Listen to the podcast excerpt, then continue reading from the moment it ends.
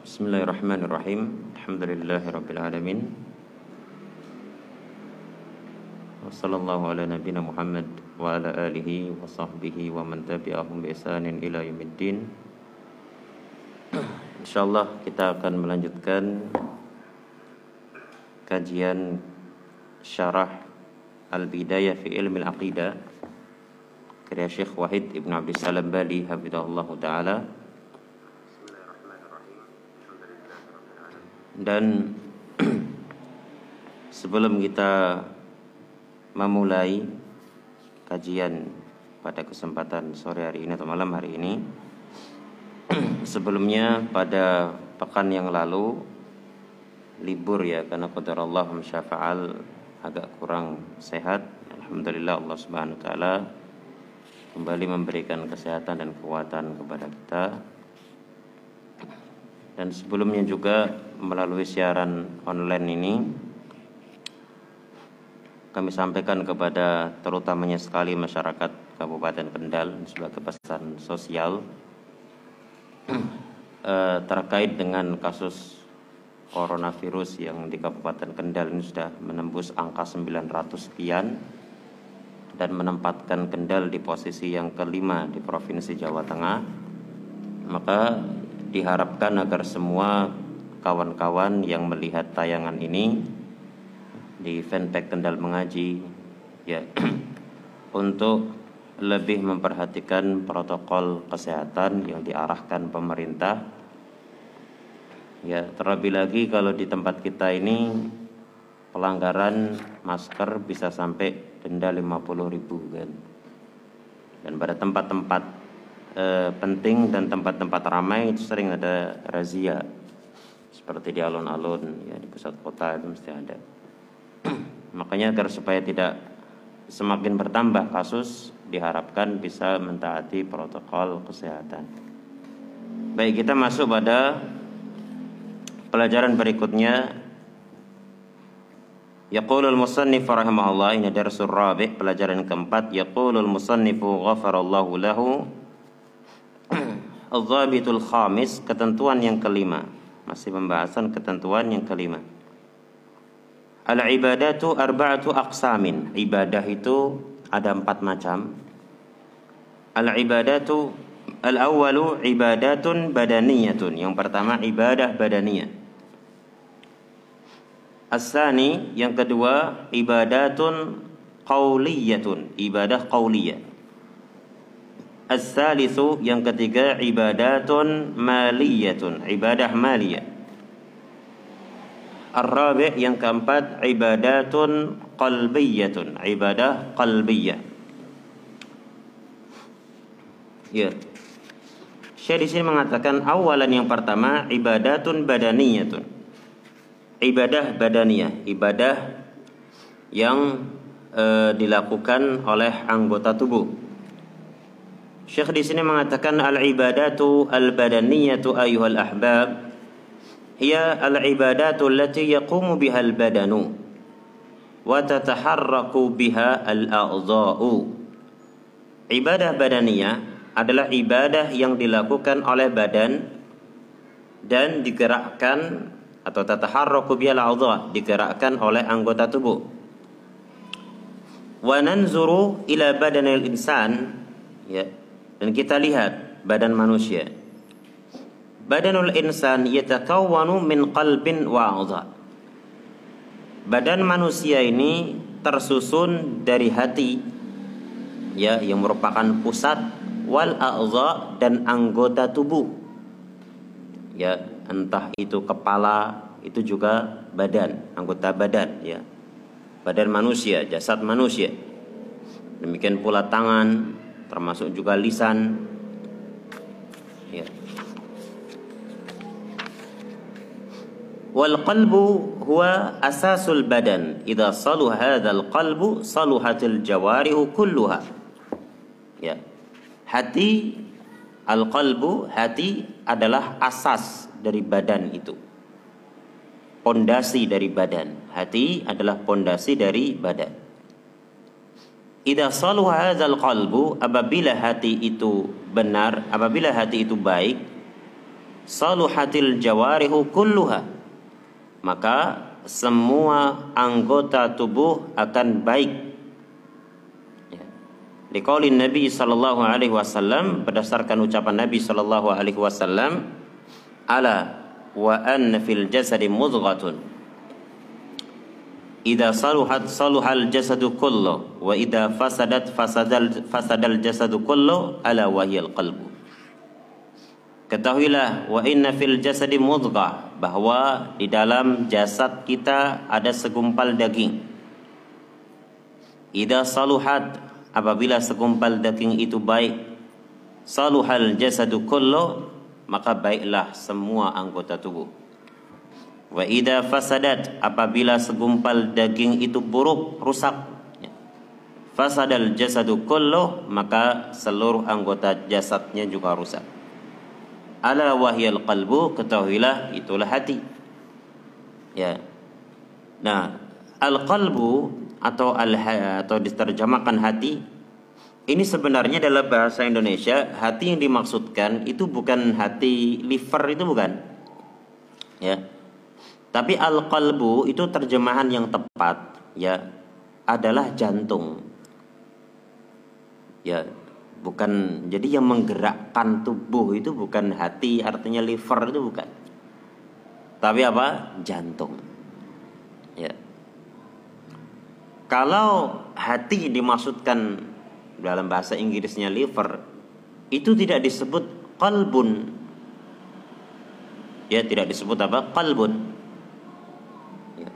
Bahasanya bukan qalbun. Kalau qalbun itu jantung artinya. Jadi sebetulnya terjemahan yang mungkin lebih cocok di dalam jasad kita itu ada segumpal daging. Apabila daging itu baik maka semua anggota tubuh kita baik. Kalau daging itu buruk maka semua anggota tubuh kita buruk. Daging tersebut adalah jantung.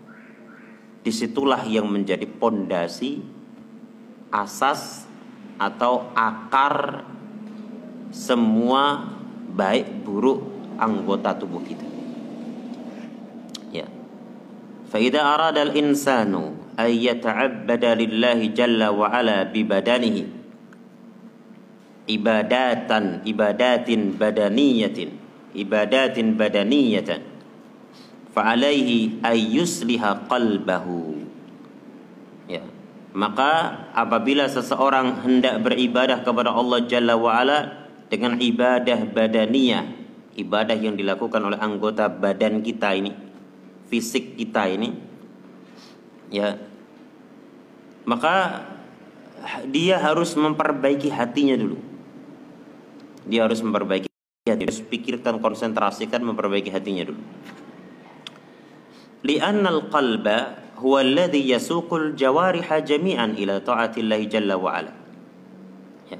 Karena jantung itu ya dialah yang akan menggiring semua anggota tubuh menuju ketaatan kepada Allah Subhanahu wa taala.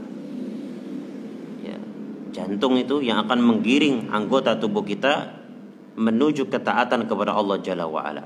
Maka dia yang menjadi poros yang harus diperbaiki dulu.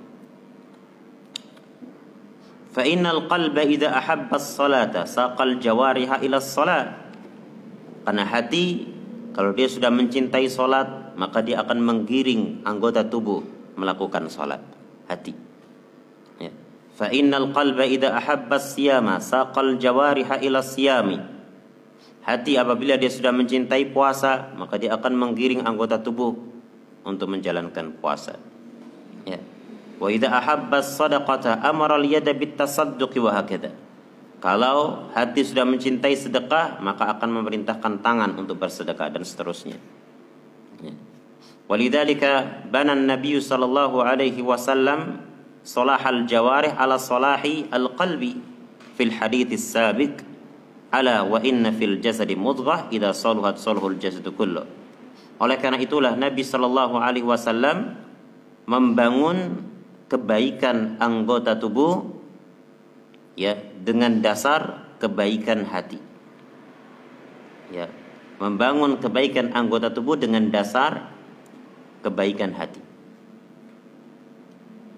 Dalam hadis yang lalu, ketahuilah bahwa di dalam jasad itu ada segumpal daging apabila segumpal daging itu baik maka baiklah jasad semuanya dan seterusnya wa akada biqaulihi wa akada dzalika biqaulihi saluhal jasad kullu dan Nabi sallallahu alaihi wasallam menekankan dengan sabdanya ya saluhal jasadu kullu. Anggota tubuh akan baik semuanya. Anggota tubuh akan baik semuanya. Ya. atau anggota tubuh baik semuanya. Kalau misalkan hatinya baik. Lafzu kul yadulu ala jami'il jasad duna istisna'in ya lafat kul semua ini menunjukkan semua anggota tubuh. Tidak ada yang dikecualikan. Kalau hatinya udah baik. Entah itu matanya entah itu tangannya entah apa. Ay idza saluha al-qalbu saluhatil yadan wa saluhatil ainan wa saluhatil udhunan wa saluhatil rijlan wa saluhal lisan wa saluha kullu a'dha'il badani. Ya. Maksudnya kata Syekh apabila hati itu baik maka kedua tangan akan baik. Kedua mata akan baik. Ya kedua telinga akan baik. Kemudian kedua kaki juga baik. Kedua eh, apa lisan lisan juga baik. Semua anggota badan baik. Li'anna al-a'dha'a innama tataharraku an awamiril qalbi.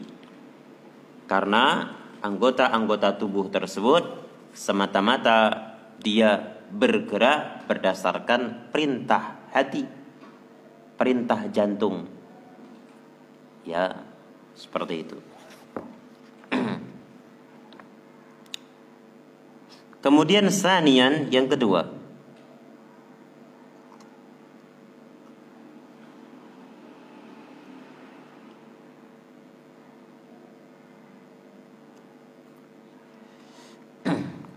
Dan ini ada yang menarik dari penjelasan sebagian ulama ya.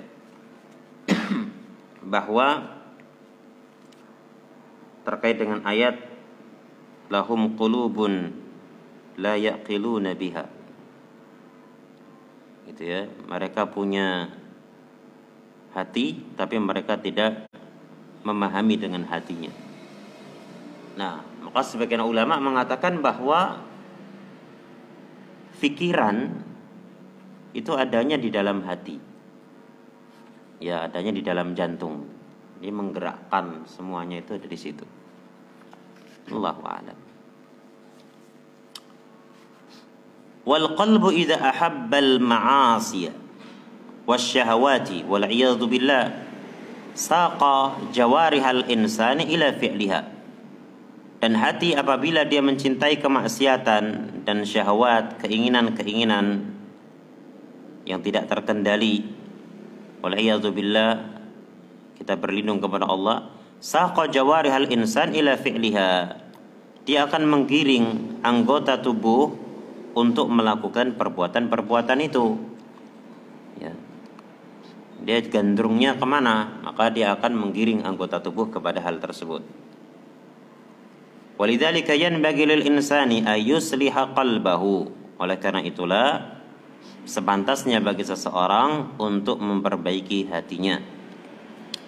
Sanian yang kedua, hadhil a'dha. Ya. Ini yang pertama beliau sampaikan terkait ibadah badaniyah, ibadah yang dilakukan oleh badan, maka sebelum melakukannya seseorang itu memperhatikan hatinya. Karena hati itu yang akan menggerakkan anggota tubuh kita menjalankan ketaatan kepada Allah.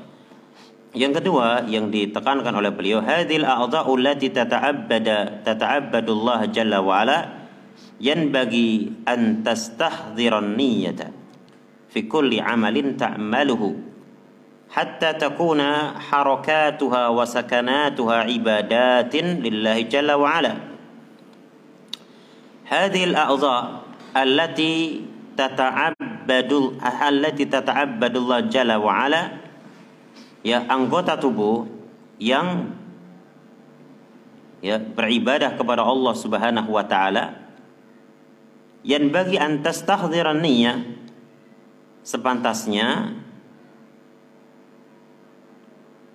saya ulang hadhil a'dha'u allati tata'abbadullah jalla wa ala ya anggota-anggota tubuh yang kau beribadah kepada Allah Jalla wa ala tersebut yang bagi anda tahdziran niat sepantasnya untuk engkau selalu hadirkan niat. Sepantasnya engkau untuk engkau selalu hadirkan niat. Fi kulli amalin ta'maluhu. Ya. Pada setiap amalan yang kau amalkan. Hatta takuna harakatuha wa sakanatuha ibadatin lillahi jalla wa ala. Ya, sehingga gerakan tubuh, diamnya tubuh ini dihitung ibadah kepada Allah jalla wa ala. Nah, saya di sini menekankan akan pentingnya niat. Ya, peribadahan yang dilakukan oleh anggota tubuh itu senantiasa kita hadirkan niat saat menjalankannya. Ya. Sehingga dengan demikian di saat seseorang itu bergerak anggota tubuhnya menjalankan ketaatan, maka ini akan menjadi ibadah. Bahkan di saat anggota tubuhnya diam, ini juga akan menjadi ibadah. Ya. Karena diamnya diniatkan untuk beribadah kepada Allah. Ya. Contohnya misalkan eh, seseorang itu diam dari melakukan perbuatan dosa Ya, ketika seseorang itu diam dari melakukan perbuatan dosa, artinya dia tidak menjalankan perbuatan dosa karena atau e, diniatkan untuk untuk menghindari dosa tersebut karena Allah Jalla wa'ala, maka dia mendapatkan pahala. Dia ibadah kepada Allah Jalla wa'ala. Ya, karena ibadah itu menjalankan perintah dan menjauhi larangan. Ya, ketika seseorang menjalankan perintah Allah Jalla wa'ala, dia niatkan untuk ibadah kepada Allah. Ya, ketika seseorang menghindari larangan Allah Jalla wa'ala dia niatkan juga untuk e, ibadah kepada Allah maka ini akan menjadi pahala ya. Makanya Syekh di sini mengatakan yang bagi antastaghzira antastahziran niyyah sepantasnya engkau untuk menghadirkan niat fi kulli amalin ta'maluhu pada setiap amalan yang kau lakukan. Dihadirkan niat itu dalam hati kita. Hatta takuna waalaikumsalam. Hatta takuna harakatu wa sakanatuha sehingga gerakan-gerakannya demikian pula sakanatuha diam-diamnya tubuh tersebut ibadatin lillahi jalla wa ala menjadi ibadah kepada Allah jalla wa ala ya seperti tadi ya yang kita sampaikan gerakan tubuh melakukan ibadah ya melakukan ketaatan kepada Allah dia jadi ibadah kalau ada niat ya Bahkan diamnya tubuh itu juga menjadi ibadah apabila ada apabila ada niat. Ya, yang megang kitab halaman 71. halaman 71. Ya. Karena apa? Karena seseorang itu anggota tubuhnya diam dalam artian ingin menjauhi kemaksiatan, keharaman. Kalau dia niatkan untuk menjauhi keharaman, maka ini ada pahalanya termasuk dari ibadah. Beda kalau tidak ada niat, diam-diam saja, nggak ada dosa, nggak ada pahala sama sekali disebut ibadah. Gitu ya. Sebagaimana dalam pelajaran ilmu usul fikih menghindari perbuatan yang haram dengan niatan ingin menghindarinya karena Allah Jalla wa ala, maka dia akan mendapatkan pahala. Al-haram al apa? alladhi yusabu tarikuhu. Ya, haram adalah orang yang akan diberi pahala siapa yang meninggalkannya imtisalan apabila dia meninggalkannya karena menjalankan aturan Allah Jalla wa ala. Ya. Wa yastahiqqul iqab tarikuhu wa yastahiqqul iqabu wa yastahiqqul iqab tarikuhu. Ya. Dan orang yang eh, apa meninggalkannya berhak untuk mendapatkan hukuman. Ya.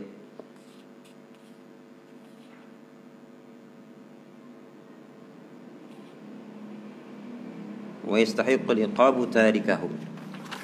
Baik selanjutnya kata Syekh ibadatil badaniyati masalan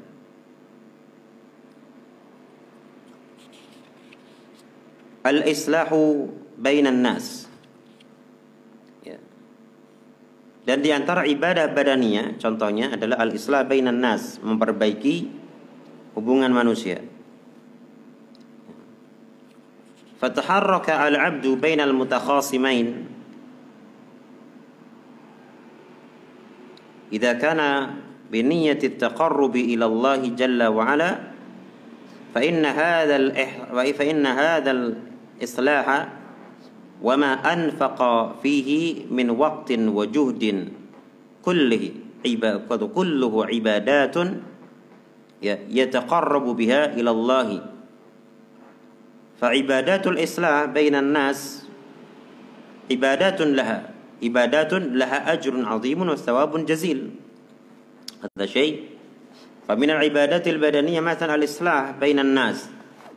Dan di antara ibadah badaniyah contohnya adalah memperbaiki hubungan manusia. Fataharaka al-'abdu bainal mutakhasimain. Maka seorang hamba bergerak untuk memperbaiki hubungan dua orang yang saling bersengketa.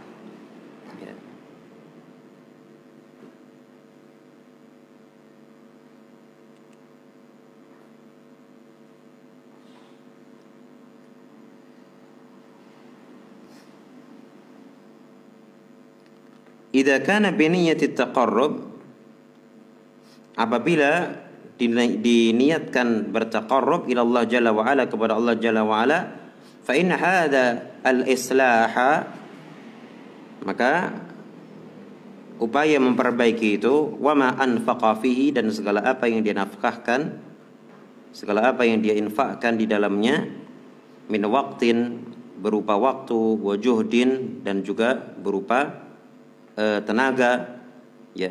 Kulluhu ibadatun semuanya adalah ibadah yataqarrabu biha ila Allah yang dia bertaqarrab kepada Allah Subhanahu wa taala dengannya ya. fa ibadatul islah bainan nas ibadatun maka ibadah ibadah memperbaiki antara manusia adalah ibadah laha ajrun azim yang memiliki pahala besar wasawabun jazil pahala yang besar. Wa dalilu ala zalika dan dalilnya ma rawahu Tirmidzi wa hasanahu anna Nabi sallallahu alaihi wasallam qaal apa yang diriwayatkan oleh Imam Tirmidzi dan beliau menghasankannya bahwa Nabi sallallahu alaihi wasallam bersabda ala unabbiukum bi afdala minas salati was siyami was sadaqati qalu bala ya Rasulullah qala islahu zatil bain Ala unabbiukum bi afdala minas salati was siyam was sadaqah. Maukah aku kabarkan kepada kalian amalan yang lebih afdal? Maukah aku kabarkan kepada kalian amalan yang lebih afdal dari salat, puasa dan sedekah? Qalu para sahabat berkata, "Bala." Ya, tentu wahai Rasulullah.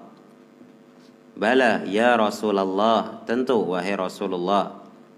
Qala Rasulullah bersabda, islahu zatil bain memperbaiki hubungan dua orang yang uh, sedang tidak baik.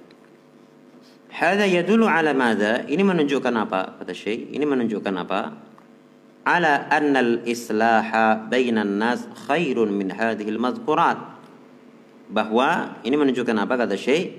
Menunjukkan memperbaiki hubungan manusia lebih baik daripada ibadah yang disebutkan tadi ya kalau ada manusia yang hubungannya sedang nggak baik dia perbaiki maka ini lebih baik daripada ibadah sholat puasa dan sedekah lakin labuda min tanbihin muhimmin. Akan tetapi harus uh, diperhatikan labuda min tanbihin muhimmin muhimmin akan tetapi diharuskan adanya uh, perhatian yang penting atau apa ya NB itu ya. Harus diperhatikan ada perhatian yang penting di sini. Diperhatikan suatu permasalahan yang penting. Apa itu? Ala wa huwa anal maqsud bidzalika huwa nawafilu hadhil ibadat ya tanbih muhim. Tanbih itu peringatan. Ya, saya ulang. Akan tetapi diharuskan diperhatikan di sini peringatan penting. Ya akan tetapi uh, labudda labudda itu artinya harus. Harus ada peringatan penting dalam persoalan ini dalam hadis ini. Apa itu? Ala wa huwa maksud bahwa yang dimaksudkan bidzalika dengan itu semuanya huwa nawafilu hadir ibadat. Adalah ibadah-ibadah sunnah tersebut. Nawafilu hadil ibadat artinya ibadah-ibadah tersebut yang sifatnya sunnah itu terjemahannya lebih enak itu. Ya, yang dimaksudkan dengan hal itu adalah ibadah-ibadah tersebut yang sifatnya sunnah. Kalau sholat ya sunnah, puasa ya sunnah, sodakoh ya sunnah. Ya. Jadi sholat sunnah dengan mendamaikan dua orang yang sedang berselisih lebih baik mendamaikan dua orang yang sedang berselisih.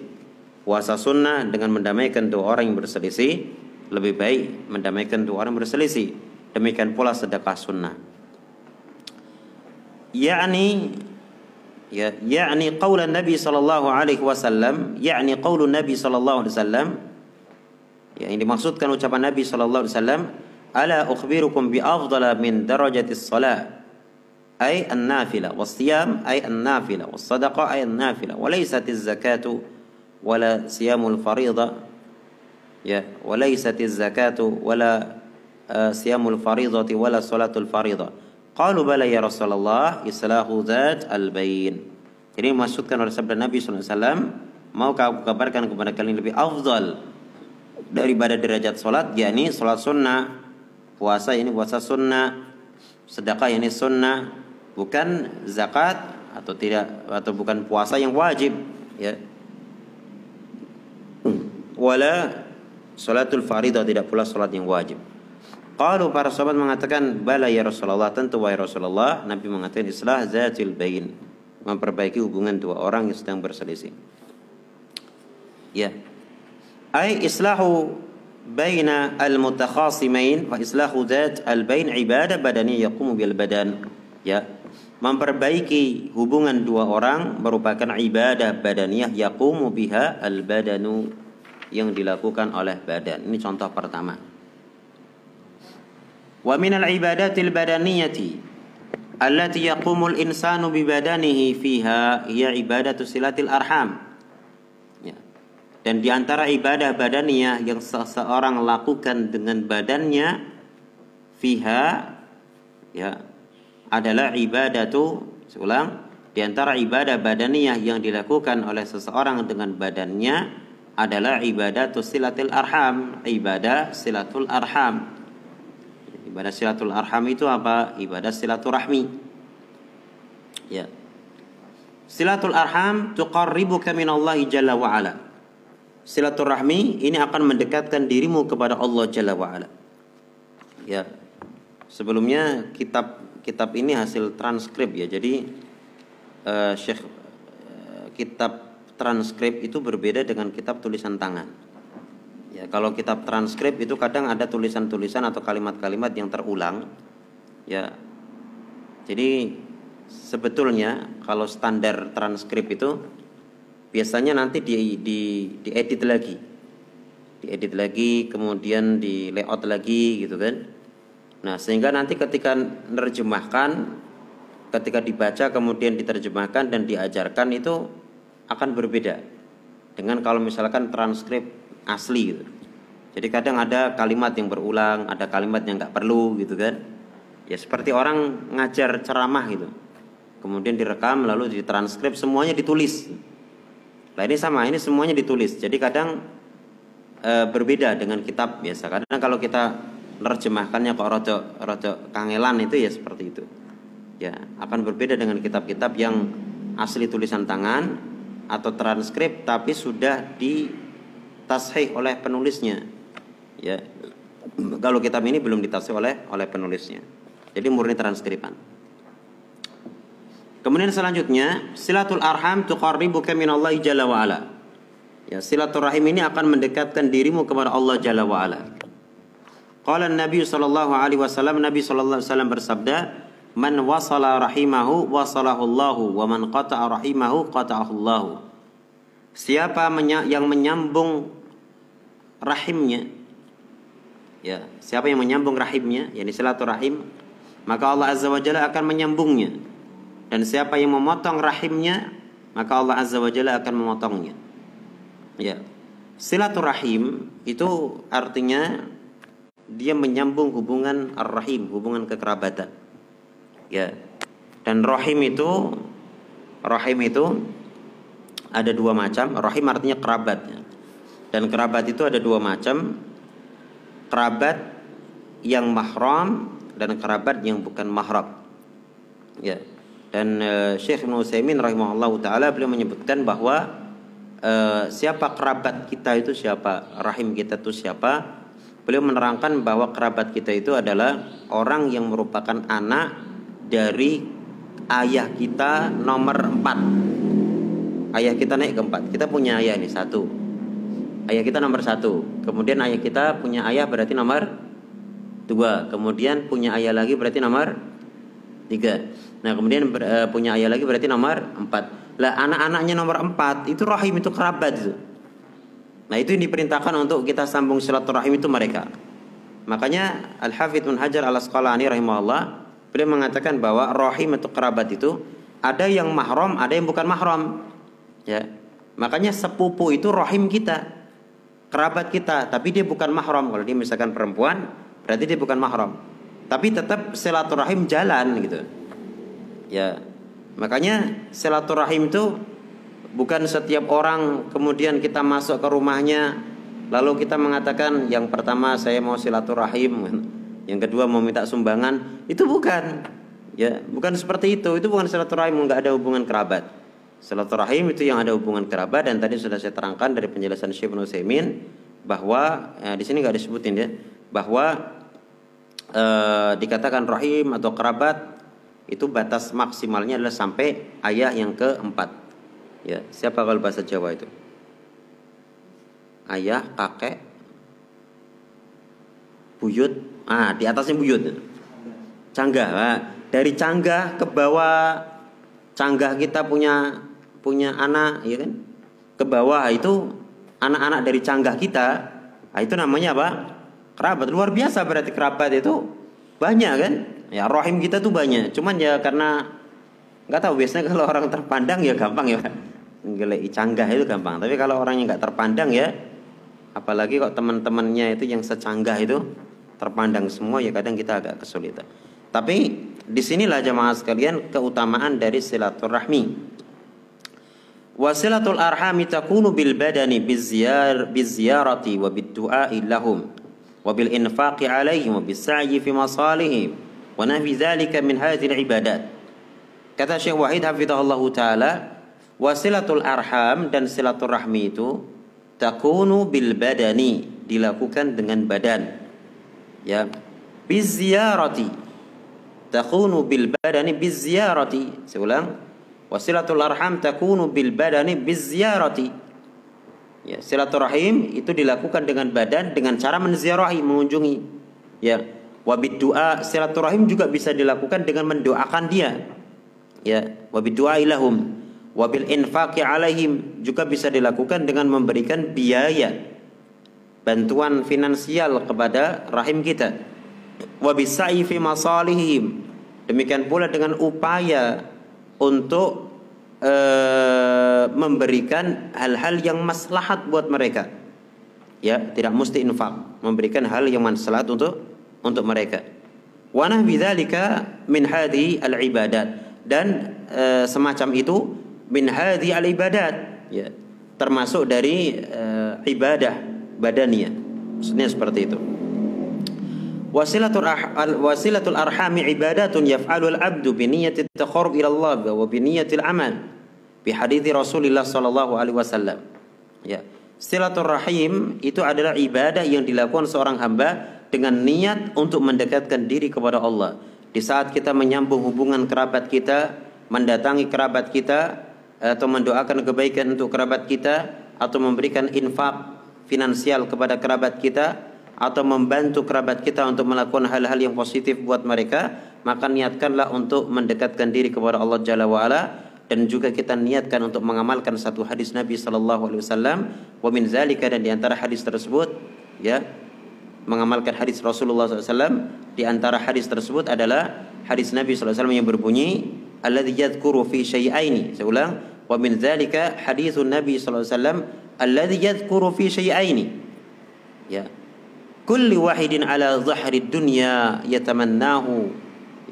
Di antara hadis yang dimaksudkan adalah hadis Nabi SAW yang di dalam hadis tersebut atau uh, alladhi yang Nabi menyebutkan di dalam hadis tersebut dua perkara semuanya ya ala zahri dunia akan didapatkan di dunia. Di dalam dua hadis tersebut terdapat dua perkara yang semuanya akan didapatkan di dunia. Yatamannahu yang manusia sangat berharap dua perkara itu. Ya. Terkait dengan silaturahmi tentunya. Mahuma apa dua perkara itu? Tulul umuri atau tulul umri wasiatur rizki. Panjang umur dan rizki yang luas. Disebutkan dua perkara dalam hadis terkait dengan dunia bagi siapa yang mau silaturahmi. Ya. Kata Syekh, "Man minan nasi la yuhibbu hadaini sifatain." Siapa orang yang enggak suka dengan dua sifat ini, dengan dua hal ini? Kullu man yuridu dzalika fa'alai bisilaturahmi. Ya. Semua orang yang menginginkan hal itu maka alaihi ya keharusan bagi dia untuk melakukan silaturahmi. Kalau kita ingin rezekinya banyak, rezekinya luas, kemudian umurnya panjang, maka silaturahmi. Mana kerabat kita kita kunjungi.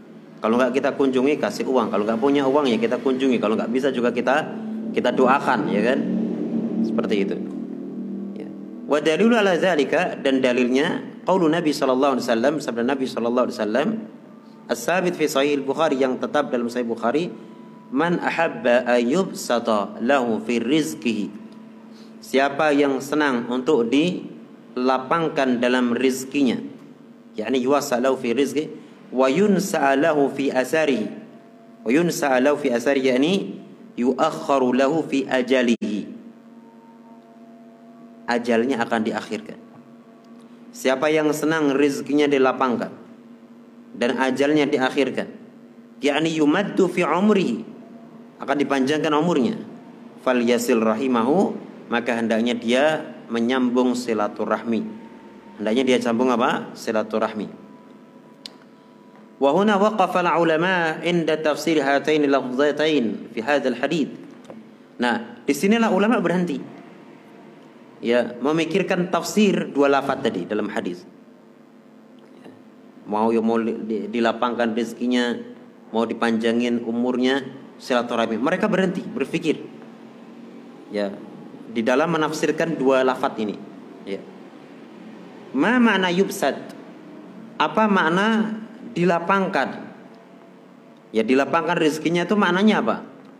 Nah kata Syekh, qala ba'dul ulama, sebagian ulama berkata, yubarak fayakun yubaraku fayakunu rizqu kama huwa wa dakhlu kama huwa lakin fihi barakatun ya. Dia diberkahi. Ya. rizki sebagaimana biasanya. Pemasukan juga biasa. Dakhal artinya pemasukan biasa. Ya. Lakin fi barokah akan tetapi ada keberkahan. Ada keberkahan. Ya. Berkah itu artinya ziyadatul khair. Ya, atau subutul khair wa ziyadatuhu. Kebaikan yang tetap dan cenderung bertambah. Ya. Jadi kalau dikatakan rezekinya berkah, ya, rezekinya berkah itu berarti kebaikan yang dihasilkan oleh rezeki tersebut itu tetap tidak berkurang namun malah justru cenderungnya bertambah. Ya, pemasukannya tetap sama misalkan 3 juta ya tapi qadarullah masyafa'al biasanya 3 juta itu apa itu namanya misalkan kopoh-kopoh ya Pak. Berat gitu kan. Uripnya berat dengan 3 juta. Qadarullah karena berkah dengan 3 juta itu tidak tidak berat ya kan? Qadarullah masyafa'al mungkin sehat ya. Tidak ada kebutuhan-kebutuhan yang lainnya. Intinya walaupun pemasukannya sama, kebaikan dari rezeki itu itu tetap langgeng, tidak berkurang dan cenderungnya bertambah kehidupannya baik baik baik. Itu namanya rezeki yang berberkah. Wa qala ba'dul ulama dan sebagian ulama berkata, bal yuzadu ziyadatan haqiqiyatan. Bahkan rezekinya itu ditambah dengan penambahan yang hakiki, ya bima'na annal insana yakunu dakhluhu fi syahri mathalan asharata alaf wasala rahima yasiru ila khamsata ashara atau ila 20 alaf kata Syekh Bimana artinya seseorang pemasukannya dalam satu bulan misalkan 10 ribu. Ya. Maka ternyata pemasukannya menjadi 15 ribu atau bahkan 20 ribu. Nah seperti itu. Jadi biasanya kebiasaan dia pemasukannya 3, 3 juta. Ya tapi dia rajin silaturahmi. Ya dia rajin silaturahmi. Nah ternyata tiba-tiba setelah itu pemasukannya bertambah jadi 4 juta, jadi 5 juta. Nah, tadi tadi ya kalau diarahkan oleh Syekh, bagaimana cara silaturahmi? Cara silaturahmi dia bisa dengan mengunjungi, ya dia bisa juga dengan mendoakan, bisa juga dengan memberikan uh, bantuan finansial atau membantu apa pun terkait dengan kemaslahatan orang tersebut. Waqala ba'dul ulama al-amran. Sebagian ulama mengatakan dua sekaligus. Ya, yuzadu lahu ziyadatan haqiqiyatan wa yubaraku lahu aidan fi rizqi. Fi rizqi. Ditambah dengan penambahan yang hakiki dan diberkahi juga. Ya. Tambah secara nilainya betul-betul tambah dan juga ada keberkahan. Ya coba ya semoga Allah swt memudahkan kita untuk mengamalkan amalan ini jemaah ya sehingga dengan seperti itu ya mungkin kehidupan yang sudah baik akan jadi baik. Gitu. Nah, selanjutnya sekarang apa faedah silaturahmi kata Syekh? Fal-lafdhu atau penafsiran yang kedua, uh, bukan penafsiran yang kedua. Lafaz yang kedua, al-lafdhatu wa yunsa fi asari. Ya, lafaz yang kedua. Yunsa lahu fi asari. Apa maksud yunsa lahu fi asari? Bisa diterjemahkan tadi dilapangkan eh, dipanjangkan umurnya. Yunsa'a yuakhar fi ajalihi. Yakni yutalu fi umri. Ini diakhirkan ajalnya. Diakhirkan ajalnya. Dipanjangkan umurnya. Wa hadha fi iskal.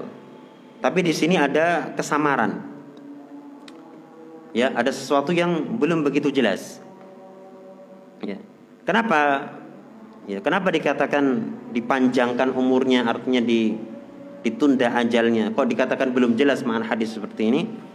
Karena Allah Azza wa Jalla berfirman, "Fa idza jaa ajaluhum la yastakhiruna sa'atan wa la yastaqdimun." Apabila ajal mereka telah datang, ya, la yastakhiruna sa'atan wa la yastaqdimun, mereka tidak akan uh, diakhirkan, ya, walaupun satu saat, ya, dan juga tidak bisa untuk di, di, di, di dimajukan.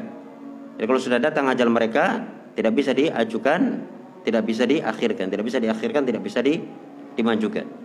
Yani idza jaa ajalul insan la yumkin ayustakhar. Ini kalau ajalnya jatah waktunya itu ya sudah datang maka tidak mungkin untuk diakhirkan. Dalam ayat seperti itu wa yaqulu huna wa huna yaqul dan di sini hadisnya mengatakan yunsa lau fi athari wa yuakhir fi ajali. Yunsa lahu fi athari yani yuakhir fi ajali. Diakhirkan ajalnya. Ya ajalnya udah ditentukan tapi dalam ayat dikatakan apa? Kalau udah ditentukan ya berarti apa? Nggak bisa dimajukan nggak bisa di dimundurkan. Tapi di dalam hadis ini ya ajal yang sudah ditentukan itu bisa di apa? Bisa dimundurkan ada bagaimana seperti ini? Nah qala al ulama ulama berkata al qadha qadhaan. Ya takdir itu ada dua. Qadha qadha'un mubramun fil lauhil mahfud.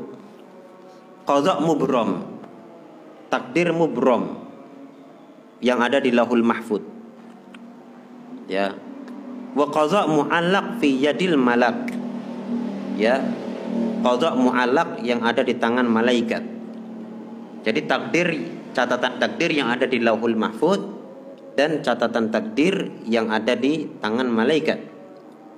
Ya. Al-malak al-muwakkal bil a'mar fa ka'anna Allah jalla wa ala qala lil malak al-muwakkal bil a'mar ya malaikat yang diberi apa itu namanya eh, malaikat yang diberi tugas untuk mengurusi umur seakan-akan Allah Azza wa Jalla berkata kepada malaikat yang diberi tugas untuk mengurusi umur tadi uktub hada umrahu sittina sana. Tulislah orang ini umurnya 60 tahun. Falamma ja'al ajalu tatkala datang ajal qala malaikat berkata ya rabbi baqi usbu'an. Ya wahai Rabbku sisa satu minggu. Ya baqi yaumain. Sisa dua hari baqi yaum. Sisa satu hari ya ja'al ajal. Datang ajal. Wa kana hadha rajul qad wasala rahimahu. Dan orang ini ya dia menyambung silaturahmi. Fayaqulullahu jalla wa ala. Maka Allah jalla wa ala mengatakan um huha. Ya um huha. Waktubha samanina sana hapus di catatan engkau yang 60 itu. Kemudian tulislah 80 tahun. Lianna wasala rahimahu. Karena dia telah silaturahmi. Ya. Jadi catatan yang ada di malaikat yang di situ tertulis 60 ya diperintahkan untuk dihapus dan diganti menjadi berapa? 80 kenapa? Karena dia silatu silaturahmi. Kalau dia nggak silaturahmi ya tetap berapa? 60. Ya. Fayamhuha wa yaktubuha samanina sanatan. Maka malaikat menghapusnya dan menulisnya 60 tahun. Wa yakunu qad kutiba fil lauhil mahfuz alladhi la yughayyar wa la yubaddal anna hadha ar-rajul sayakunu umru 60 sana wa yasilu wa sayasilu rahimahu fayamud fayumaddu ila 80 sana. Nah, maka tulisan yang tertulis di lahul mahfud yang tidak akan pernah dirubah ana hadzal rajul sayakunu umru sittina sana. Bahasa eh, laki-laki tersebut umurnya akan uh, umurnya 60 tahun. Dan dia akan silaturahmi. Maka dia akan dipanjangkan 80 tahun. Fa idza ja'at 80 fala yustaqdamu wa la yustakhar. Kalau sudah datang 80 maka tidak akan bisa didahulukan tidak akan bisa di tidak akan bisa dimajukan, tidak akan bisa di e, diakhirkan. Ya. Jadi maksudnya begini, takdir itu kan nggak bisa dirubah. Ya kan? Rufi'atil rufi'atil aqlam wajaf wajaffati as-suhuf. Ya, pena udah diangkat nih. Jadi takdir itu nggak dirubah. Ya betul, takdir itu nggak bisa dirubah. Ya, takdir yang ada di Lauhul Mahfud itu nggak bisa dirubah. Ya, lah terus terkait dengan hadis ini gimana? Ya, ini takdir yang ada di catatan malaikat. Takdir yang ada di catatan siapa? Malaikat. Nanti ada pembahasan sini insya Allah dalam rukun rukun iman yang eh, tentang masalah takdir. Tapi ini disebutkan di sini oleh Syekh. Jadi ini yang ada di catatan malaikat itu masih memungkinkan untuk dirubah. Ya, kalau yang di catatan Lauhul Mahfud, jadi seperti gambarannya gini. Di Lauhul Mahfud itu orang tertulis bahwa dia tertulis umurnya kata Syekh kan 60 tahun dan dia akan silaturahmi maka akan dipanjangkan jadi 80 tahun. Kalau catatan yang ada di malaikat itu tercatat berapa? 60 tahun. Ya, 60 tahun. Nah, kemudian nanti dirubahlah catatan yang ada di malaikat itu seiring dengan perbuatan silaturahmi dari orang tersebut. Seperti itu ya. Di antara dalil yang menunjukkan bahwa catatan yang ada di tangan malaikat itu bisa dihapus dan bisa ditetapkan dengan ketetapan yang baru oleh Allah Jalla wa ala adalah qaulullah tabaraka wa taala firman Allah tabaraka wa taala yamhullahu ma yasha'u wa yusbitu wa indahu ummul kitab. Allah Subhanahu wa taala menghapuskan dan menetapkan dan di sisinya lah ummul kitab.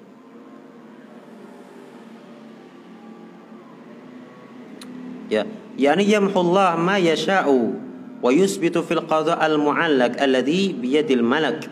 Wa indahu umul kitab ay al-lawhul mahfud maktubun fi umruhu alladhi la yughayyaru wa la yubaddalu. Allah Azza wa Jalla menghapus sesuai dengan apa yang dia Allah menghapus apa yang dia inginkan dan menetapkan apa yang dia inginkan berupa takdir yang muallaq tergantung alladhi biyadi al-malak yang ada di tangan malaikat. Ya, al-qadha al-mu'allaq tadi kan? Al-qadha al-mu'allaq, takdir al-mu'allaq. Alladhi biyadil malak yang ada di tangan malaikat. Wa inda umul kitab dan di sisi Allah ada umul kitab induk catatan. yakni Allahul Mahfud. maktubun fihi umruhu alladhi la yughayyaru wa la yubaddalu yang di situ tertulis umurnya yang tidak akan pernah dirubah dan tidak akan pernah diganti ya idan silaturahim tutidu al-umur haqiqatan.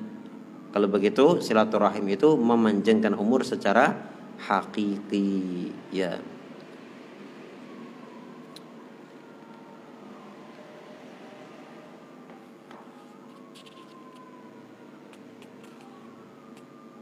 Ya, ini saya lanjutkan ini nanti tentang contoh silaturahim insyaallah untuk kajian eh, saat ini kita mungkin agak di nggak begitu lama ya. Kita ajak-ajak dulu ya. Kayaknya kalau kita forsir tenaga terus juga rotok rotok kepayahan ya. ya saya bacakan ya ini ada contoh menarik ya mak. Qad ittasala bi syabun marrah.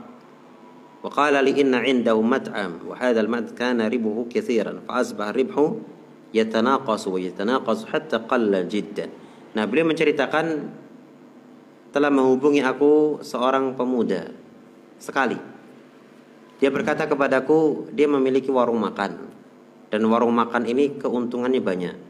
Ya, tapi keuntungannya itu berubah drastis. Ya, berkurang, berkurang sampai sangat sedikit sekali. Ya, fayaqulu bi anna dakhlahu kana hawali 30 alfan fil yaumi. Dia mengatakan pemasukannya itu uh, kurang lebih 30 ribu. 30 ribu ya. Mungkin kalau di Mesir 30 ribu Mesir itu. Ya, 30 ribu ya gitu. fil yaumi sehari. Dhalla yatanaqas ya.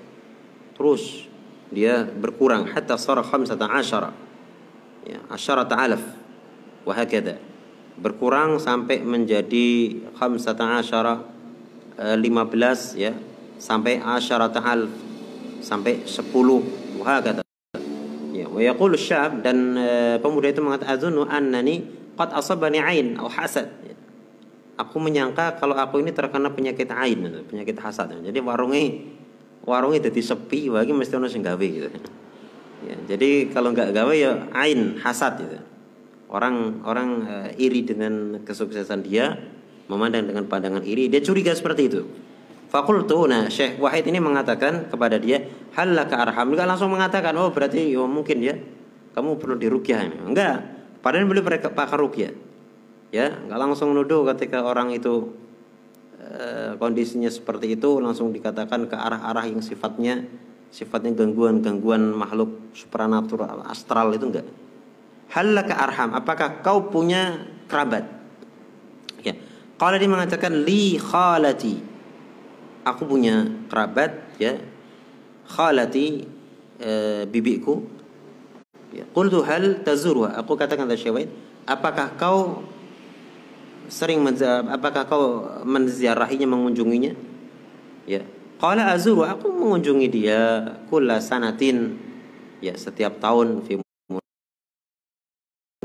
ya. Setiap tahun e, bertepatan dengan hari Id, satu tahun dua kali. Qultu law hawil an tazuraha kulla uzwin marrah. Aku katakan berusaha engkau menziarahinya setiap minggu satu kali.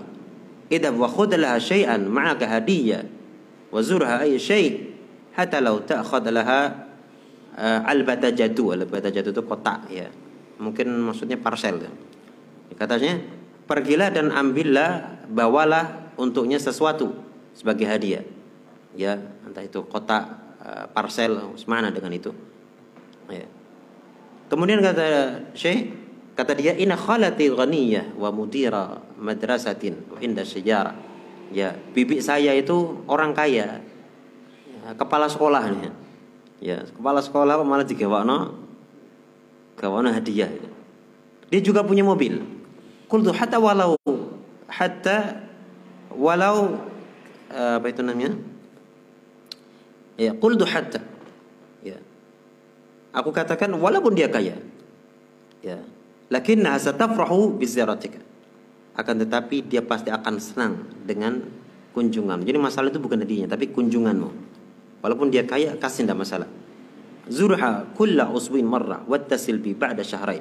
Kunjungi kali lalu setelah dua bulan kau ketemu aku lagi faida bihi yattasil bi ba'da thalathati asabi ya kemudian dia bertemu dengan aku lagi ber, uh, setelah tiga minggu. Ya enggak enggak sampai dua bulan. Enggak, enggak sampai dua bulan setelah tiga minggu. Wa yaqulu dia mengatakan laqad farihtu bi khalati laqad farihat bi khalati katsiran walhamdulillah. Ya ternyata bibiku itu sangat-sangat senang denganku. Alhamdulillah wa ubashiruka bi anna dakhla al-mat'am zada jiddan jiddan hatta kana 10000 ya. Dan aku kasih kabar gembira kepadamu bahwa apa pemasukan warung ini bertambah terus terus terus sampai asyarat alaf sampai sepuluh ribu. Surah khamsata asyara sampai lima belas summa surah isrin alaf ya tadi kan kurang-kurang terus ini naik naik naik naik naik terus gitu. Ya Fakultu lahu aku katakan kepadanya hada misdaku hadits Nabi SAW ini adalah bukti kebenaran hadis Nabi SAW siapa yang mau rezekinya dilapangkan wa yunsalahu fi eh, asarihi dan dipanjangkan umurnya falyasil rahimahu ya. Dan uh, apa siapa yang ingin umurnya dipanjangkan maka hanya dia silaturahim. Arafta falzam. Kalau sudah tahu falzam. Maka senantiasalah berbuat seperti itu يا والله تعالى أعلم بالصواب نكتفي إلى هنا يا السلام عليكم ورحمة الله وبركاته